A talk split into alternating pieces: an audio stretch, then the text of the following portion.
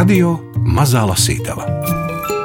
Sadarbībā ar Borisa un Ināras Teterevu fondu ja mēs skatāmies, kā sievietes starpkara Latvijā sāka veidot politisko karjeru, tad viņas balstījās uz to sabiedriskās darbinieces statusu. Tas nozīmē, ka viņas piedalījās dažādās labdarības organizācijās, labdarības biedrībās, pašas organizēja, un viņas tajā skaitā rīkoja arī balles, kurās vāca šos ziedojumus labdarīgiem mērķiem, lai trūcīgus bērnus pabalstītu, kara invalīdus un tam līdzīgi. Un tādā veidā mēs varam teikt, ka politiskā karjera arī neatņemami saistīta ar modi, jo šajās ballēs ieradās, protams, dažādu sociālo grupu cilvēki, bet eh, tas viņus vienoja viens, ka tā vēlme izskatīties modernām, pēc kaut kāda standarta. Nu, teiksim, ja mēs varam teikt, ka tikai viena no šīm maza daļa no šiem cilvēkiem varēja tiešām dzīvot reāli dzīvē, izdzīvot šo starpkaru sapni ar šīm eh, skaistajām kleitām un cepurītēm un kurpēm un visu ko, tad eh, lielākā daļa šo sociālo grupu tas bija viņu sapnis, un viņam skapī gribēja vismaz vienu tādu kleitu vai vienas tādas kurpes, un tādā ziņā mēs varam veikt pilnīgi tieši sakaru starp modi un politiku. Vēsturniece Inēta Līpa Lipša pētījusi sieviešu darbību politikās starpkaru Latvijā. Šoreiz viņa Latvijas radio studijā tiekas ar Initu Saulīti Zanderi, kura radījusi kultūru vēsturisku stāstu par modi un dzīves stilu Latvijā 1918. un 1940. gadā elegantā Rīga.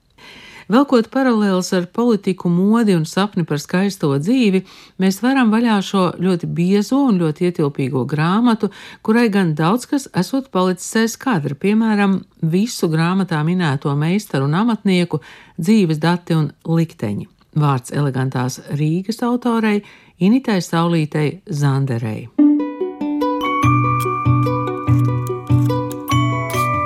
Un arī otrādi politika ietekmēja modi, nu, sevišķi pēc Kārļa Umaņa apvērsuma. Tur pilnīgi skaidrs, ja, kā, kāpēc kaut kas notiek tikai tad, ja tu zini to politisko un ekonomisko vēsturi. Modi jau nav kaut kas uh, atrauc no. no vispārējā. Būt modernam tajā laikā, uz kuru pusi tad um, skatījās Latvijas es, sievietes? Es tieši gribēju teikt, ka būt modernam tas bija drīzāk lamu vārds. Nopietni, jā? Jā, vai šiki, vai grezni, vai tas bija tāds jau ar tādu, un, un labāk nedariet tā. Tāpēc saucās elegantā Rīga, ka galvenais nosacījums bija elegance un atbilstoša situācijai ģērbties. Tātad priekšpusdienā neģērbies kā pēcpusdienā, un, un nedod Dievs, ja tu kažo kādās pastaigāsies priekšpusdienā pa brīvības bulvāri, vai, teiksim, aizies uz balli nepiemērotā apģērbā, vai uz pēcpusdienas tēju pārāk greznā apģērbā, tad uzreiz tika uz preses kārā zoba un un tika izrādīts, ka jāsako ir etiķetei un, un, un sabiedrībā pieņemtajiem noteikumiem. Jā. Nu jau jāzina, kas modē. 1920. gadā Latvijas presse modes jautājumiem joprojām uzmanību tikpat kā nepievērsa. Ar tiem saistījās vienīgi laikrakstos publicētie valdības aizliegumi valstī kā nevajadzīgas preces, ievest modes un greznuma lietas, dāmu cepures, zīda, puszīda, samta un citas greznuma lietas un audumus, mežģīnas, kažokus un tā tālāk. Kā patiesas brīnums uz šī modes skatījumā visai blāvā fona bija ziņu aģentūras Leta izdevums Ilustrēts žurnāls, kura pirmais numurs iznāca 1920. gada maijā. Galvenais redaktors sākumā bija Alfrēds Pūrīts, bet mākslinieks Jānis Roberts Tilbergs. Pārsteidzoši ir tas, ka šis gana nopietni pozicionētais izdevums, kas rakstīja par tam laikam aktuāliem jautājumiem, nu, iepazīstināja ar ministra kabineta sastāvu, sprieda, kā Latvijai attīstīties, vai arī vai tiks noslēgts miers un tam līdzīgi, jau pirmajā numurā lapusi veltīja pavasara modes jaunumiem. Publicējot gan Tilberga modes zīmējumus, pirmos modes oriģinālu zīmējumus Latvijā, gan vietējai situācijai pietuvinātu aprakstu par to, kas aktuāls modē. Drēbniekmeistars Jānis Lukševits rakstīja, ka ievērojot drēbju dārdzību, pavasara mode ir tikpat lielā mērā gaumes, kā arī praktisks jautājums. Tā kā mode atrodas pārejas laikmatā no platām uz šaurām līnijām, iespējams ērti pārveidot jau lietotus apģērbus. Drēbnieks piedāvāja izmantot dažādus auduma atlikumus, pielāgojot tos tagadnes gaumei. Kostīmu un mēteļu apakliem, atlokiem, jostām, kabatām, apakšmalu uzliekumiem, bet it sevišķi vieglām kleitām, jo modē ir raibošana un dažādi izšuvumi. Un vēl Lukševits pirmais publiski izteicās par to, ka apģērbā vajadzētu izmantot latviskus elementus. Runājot par modi vispār, domāju, ka mūsu sievietēm būtu laiks ievest uzvalkos arī kādas nacionālas īpatnības, varbūt pārveidojot šī ziņā vispārējo katras sezonas modes uzvalku. Arī Tilberga veidotajos modes zīmējumos redzami etnogrāfiski motīvi, rotājumi uz blūzes, piedurknēm un apaklis, brunču rūtojums. Diemžēl žurnāls bija melnbalts un krāsas neredzam. Tātad precīzi spriest grūti. Ilustrēts žurnāls Vēl divas reizes 1920. gadā publicēja modes oriģinālu zīmējumus. Arī jūnija un septembra numuriem tos radīja Jānis Roberts Tilbergs. Diemžēl izdevējs mainīja žurnālu saturu, tas kļuva par mākslas un literatūras mēnešu rakstu. Aizgāja gan Alfrēds Pūrīts, gan Tilbergs, un modes tur vairs nebija jo skumjāk, ka vēl ilgi, gadus desmit, būs jāgaida, līdz kāds preses izdevums publicēs Latvijā radītus modes zīmējumus. Rīga un tātad arī visa valsts 20. gados dzīvoja zem Parīzes, Berlīnes, Vīnes un Londonas modes karoga. Gunārs Aboliņš lasa fragmentus no Initas Saulītes Zanderes grāmatas Elegantā Rīga, Starpkara presse ir ļoti nozīmīgs avots arī modes jautājumos. Presa tiešām audzināja, un presē uzkrītoši daudz rakstīja par modi, par ģērbšanos, par gaumes lietām. Sākot ar dienas uh, avīzēm, un, un, protams, visi žurnāli, bija daudzi modes apskatnieki un kritiķi.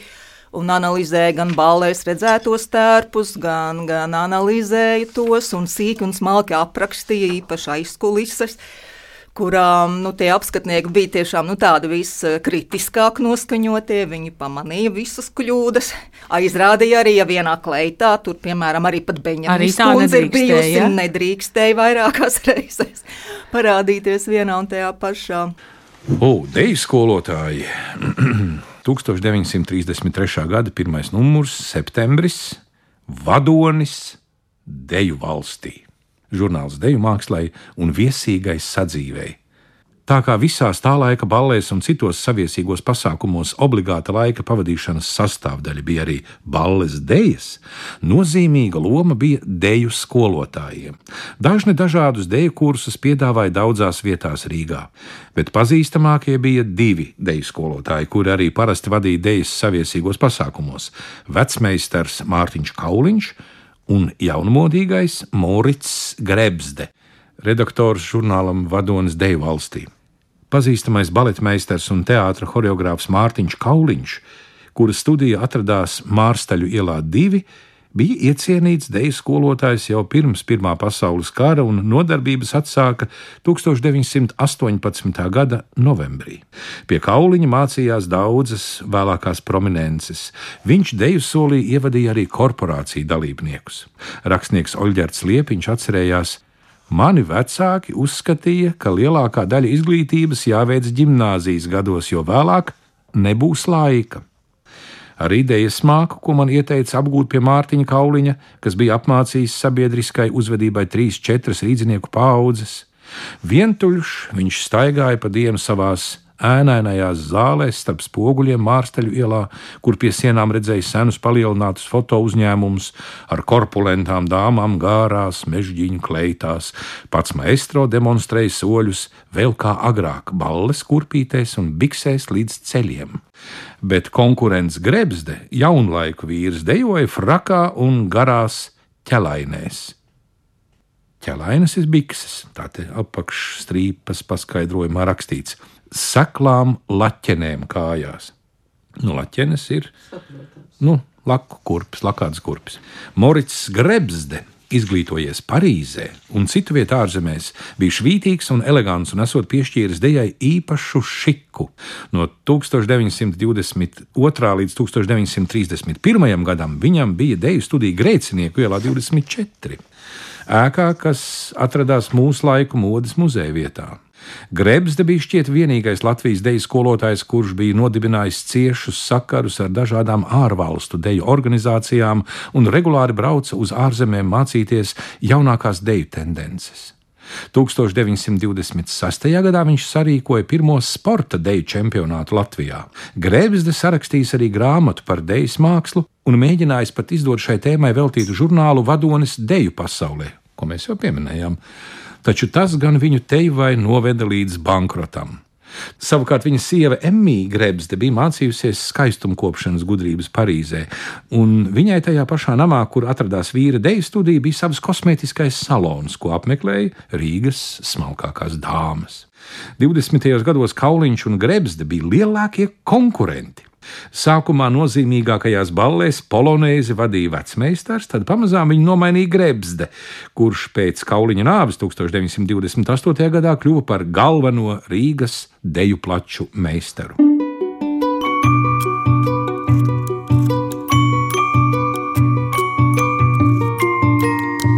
Radio Mazā Lasītava vidusšķiras ideāli, nu, teiksim, tev būtu likumībam, pieticīgam un tajā pašā laikā parādīt to savu, nu, to savu iznesību un tam līdzīgi. Tas jau viss tika arī jaunajās e, sievietēs vidusšķirs, ja mēs runājam, attīstīts caur šīm korporāciju ballēm. Nu, kā, ko tev vilkt mugurā? Šī te milzīgā popularitāte ar balles deju kursiem visiem Rīgā, tā ņemšanās. Kā An Anšlaus Eglīts, tad to ir brīnišķīgi līgo medniekos laikam aprakstīsies, pareizi atceros. Tad tad mēs varam teikt, ka politikā principā To noteica latviešu vidusšķiras ideāli par to, kas ir pareizi, ko mēs gribam, kāda mēs gribam būt. Un, protams, ka tas bija arī, ka mēs vēlamies līdzināties tās augtās e, attiecīgiem Eiropas standartiem, Rietuma Eiropas standartiem. Un tur jau nu, ir tā Parīze, Londona un kas tikai vēl nē. Ja? Parīze, Parīze, sievietēm Parīze, vīriešiem Londona. Ah, vīriešiem Londona, vīriešiem ja? Londona, Velsas princis kā lielākais, lielākā stila ikona, vēlāk arī Antonijs Īdens, ārlietu ministrs, bet jā, bet galvenais, ka sekojiet Britu kungiem. Esiet korekti, ne, neizleciet, ģērbieties uh, klasiski. Ja sieviešu mode bija strauji mainīga, tad vīriešiem tradicionāla. Ja sieviešu modes metropole bija Parīze, tad vīriešu Londona. Katra ekstravagance kungu modē nozīmē garšas trūkumu, un katrs pārspīlējums ir nedaiļš. Amerikāņu filmu zvaigznes un kungu modes autoritātes Ādolfa Menžū vārdus 1928. gadā citēja žurnāls Jaunā nedēļa. Vīriešus visas dzīves laikā brīdināja no mazākā ekscentriskuma. Tas tika uzskatīts ne tikai par nepareizu, bet pat par apvainojumu sabiedrībai. Tā laika britu psihologs Džons Kārls Flīgels uzskatīja, ka vīriešu apģērbam piemīt vairāk morāles nekā sieviešu, jo tas simbolizē pienākumu un savaldību. Savā 1930. gadā Londonā izdotajā darbā Apģērba psiholoģija viņš rakstīja, vīriešu korekto apģērbu, blīvie materiāli un solīdās faktūras, apavu mierīgā melnā krāsa, Apkaklīšu un manžetu stingrība un jaunavīgais baltums demonstrē apkārtējai pasaulē tās īpašības, kas viņiem it kā piemīt, respektīvi spēku, stabilitāti un neuzņēmību pret vieglprātībām. Lai vīrieti ņemtu nopietni, viņam bija nepieciešams ikdienā uzvalks, parasti sako, protams, ar kreklu, vesti un kaklasaiti, ziemā tumšs ar tumšu platmali, vasarā gaišs ar gaišu platmali vai salmu cepuri, pēcpusdienā ketaveja un katliņš, vakarā smokings ar katliņu vai fraka ar cilindru, atkarībā no pasākuma svinīguma. Bet šī ir ļoti vienkāršota versija. Vīriešu garderobe daudz lielākā mērā nekā sieviešu bija viņas sabiedriskā statusa apliecinājums, tāpēc būtisks bija viss - lietu kvalitāte, atbilstība diennakts laikam, un notikumam, piemēroti accessori un prasme tos pareizi izmantot. Piemēram, zināt, kad un kā sveicinot, noņemt vai tikai pacelt platmali. Vīriešu mode gandrīz nemainījās, bet tajā pastāvēja ļoti stingri noteikumi. Kādas 1926. gada britu etiķetes grāmatas autors šausminājās, Pagājušajā vasarā, kādā vakarā viesnīcas Karltona hallē, es tiešām redzēju vīrieti brūnās kurpēs, smokingā un salmu cepurē. Nu, droši vien tas bija amerikānis, bet vienalga. Katram angļu džentlmenim bez minētajiem bija zināmi arī citi etiķetes tabū. Piemēram, dienas laikā nedrīkstēja valkāt lakādas apavus. Vakara apģērbu nedrīkstēja papildināt ar katliņu, bet svīteri vilkt ar pilsētas uzvalku. Britu konservatīvisms bija cieņā arī Latvijā. Jāatgādina, ka kunga vakara apģērbā drīkst būt tikai divas krāsas - balts un melns. Tas attiecas arī uz vestēm, kuras arī drīkst būt tikai vai nu baltas vai melnas. Nekad pelēkas, brūnas vai citā krāsā, rakstīja žurnāls Nedēļa 1922. gada septembrī. Pie smokinga nedrīkst būt balta kakla saita, tikai melna. Kabatas lakatiņš nedrīkst krist acīs ar savu lielumu vai krāsu. Spilgtas kaklasaites un raibi kabatas lakatiņi ieteicami tikai pie gaiša vasaras uzvalka.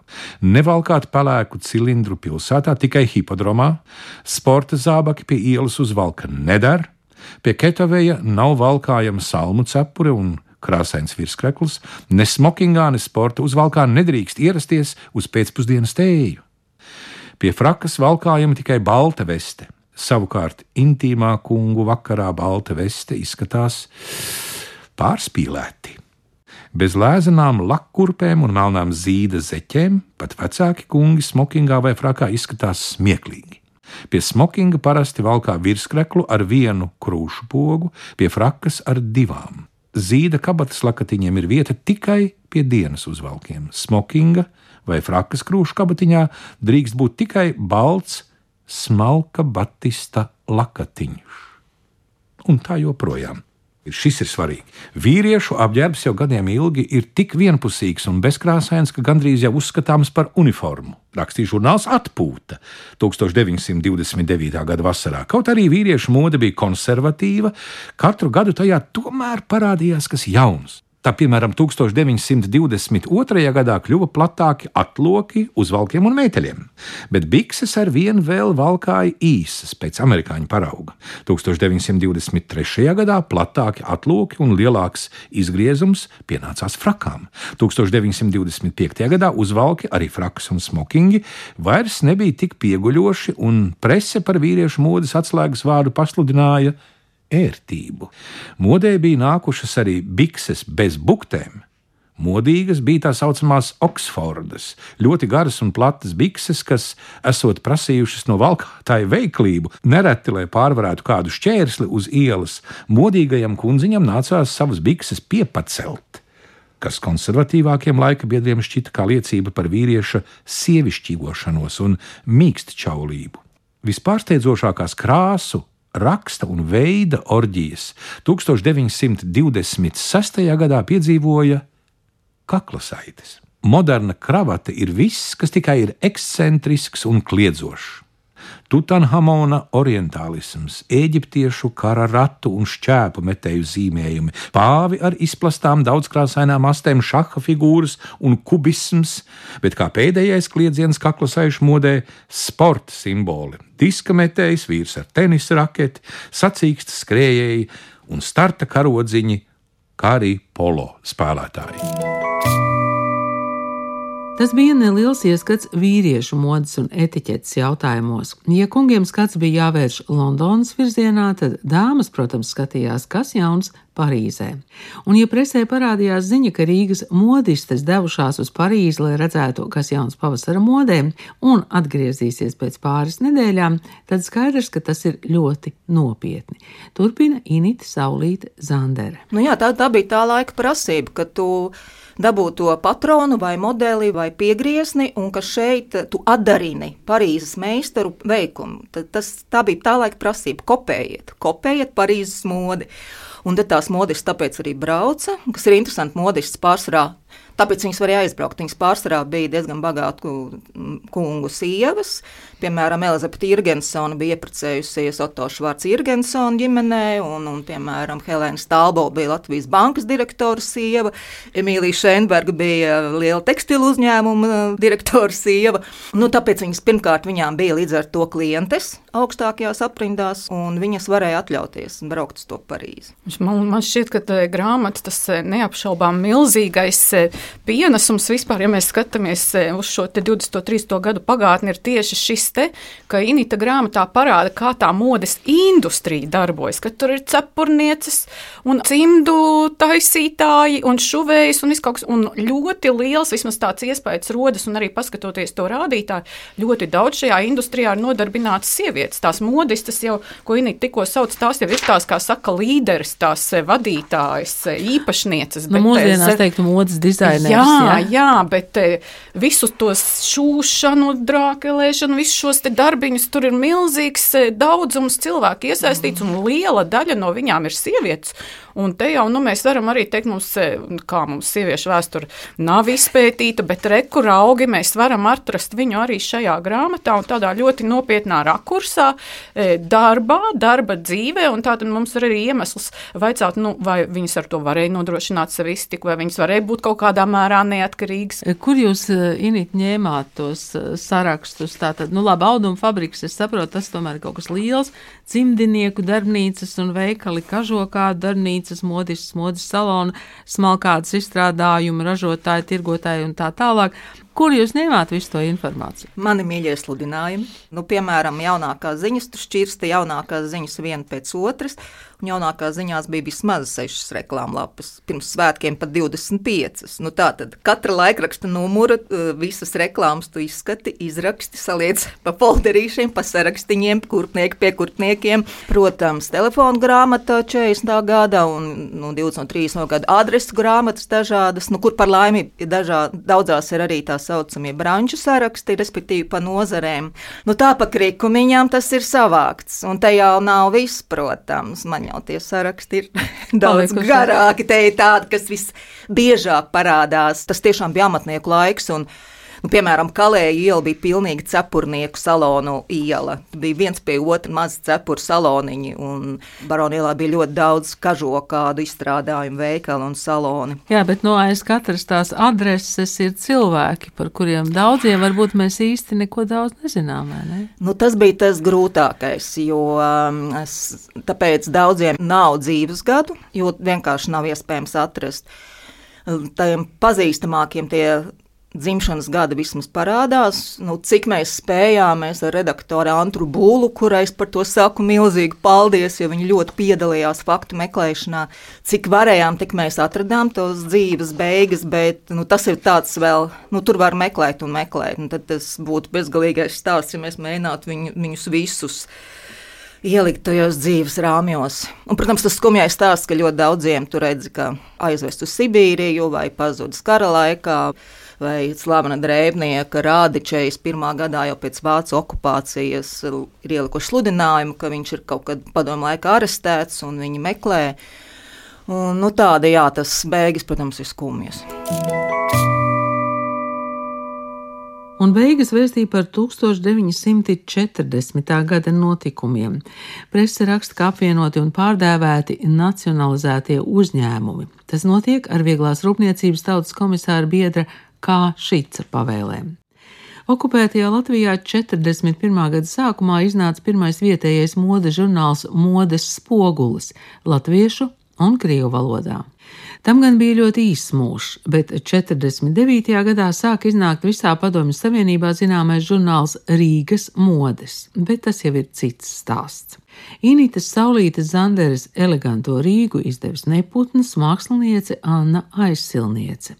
Lasītavā piedalījās autore Inita Saulīte Zandere, vēsturniece Ineta Lipša, Gundars Āboliņš, Agita Bērziņa, Nora Mitspapa un Ingvilde Strautmane.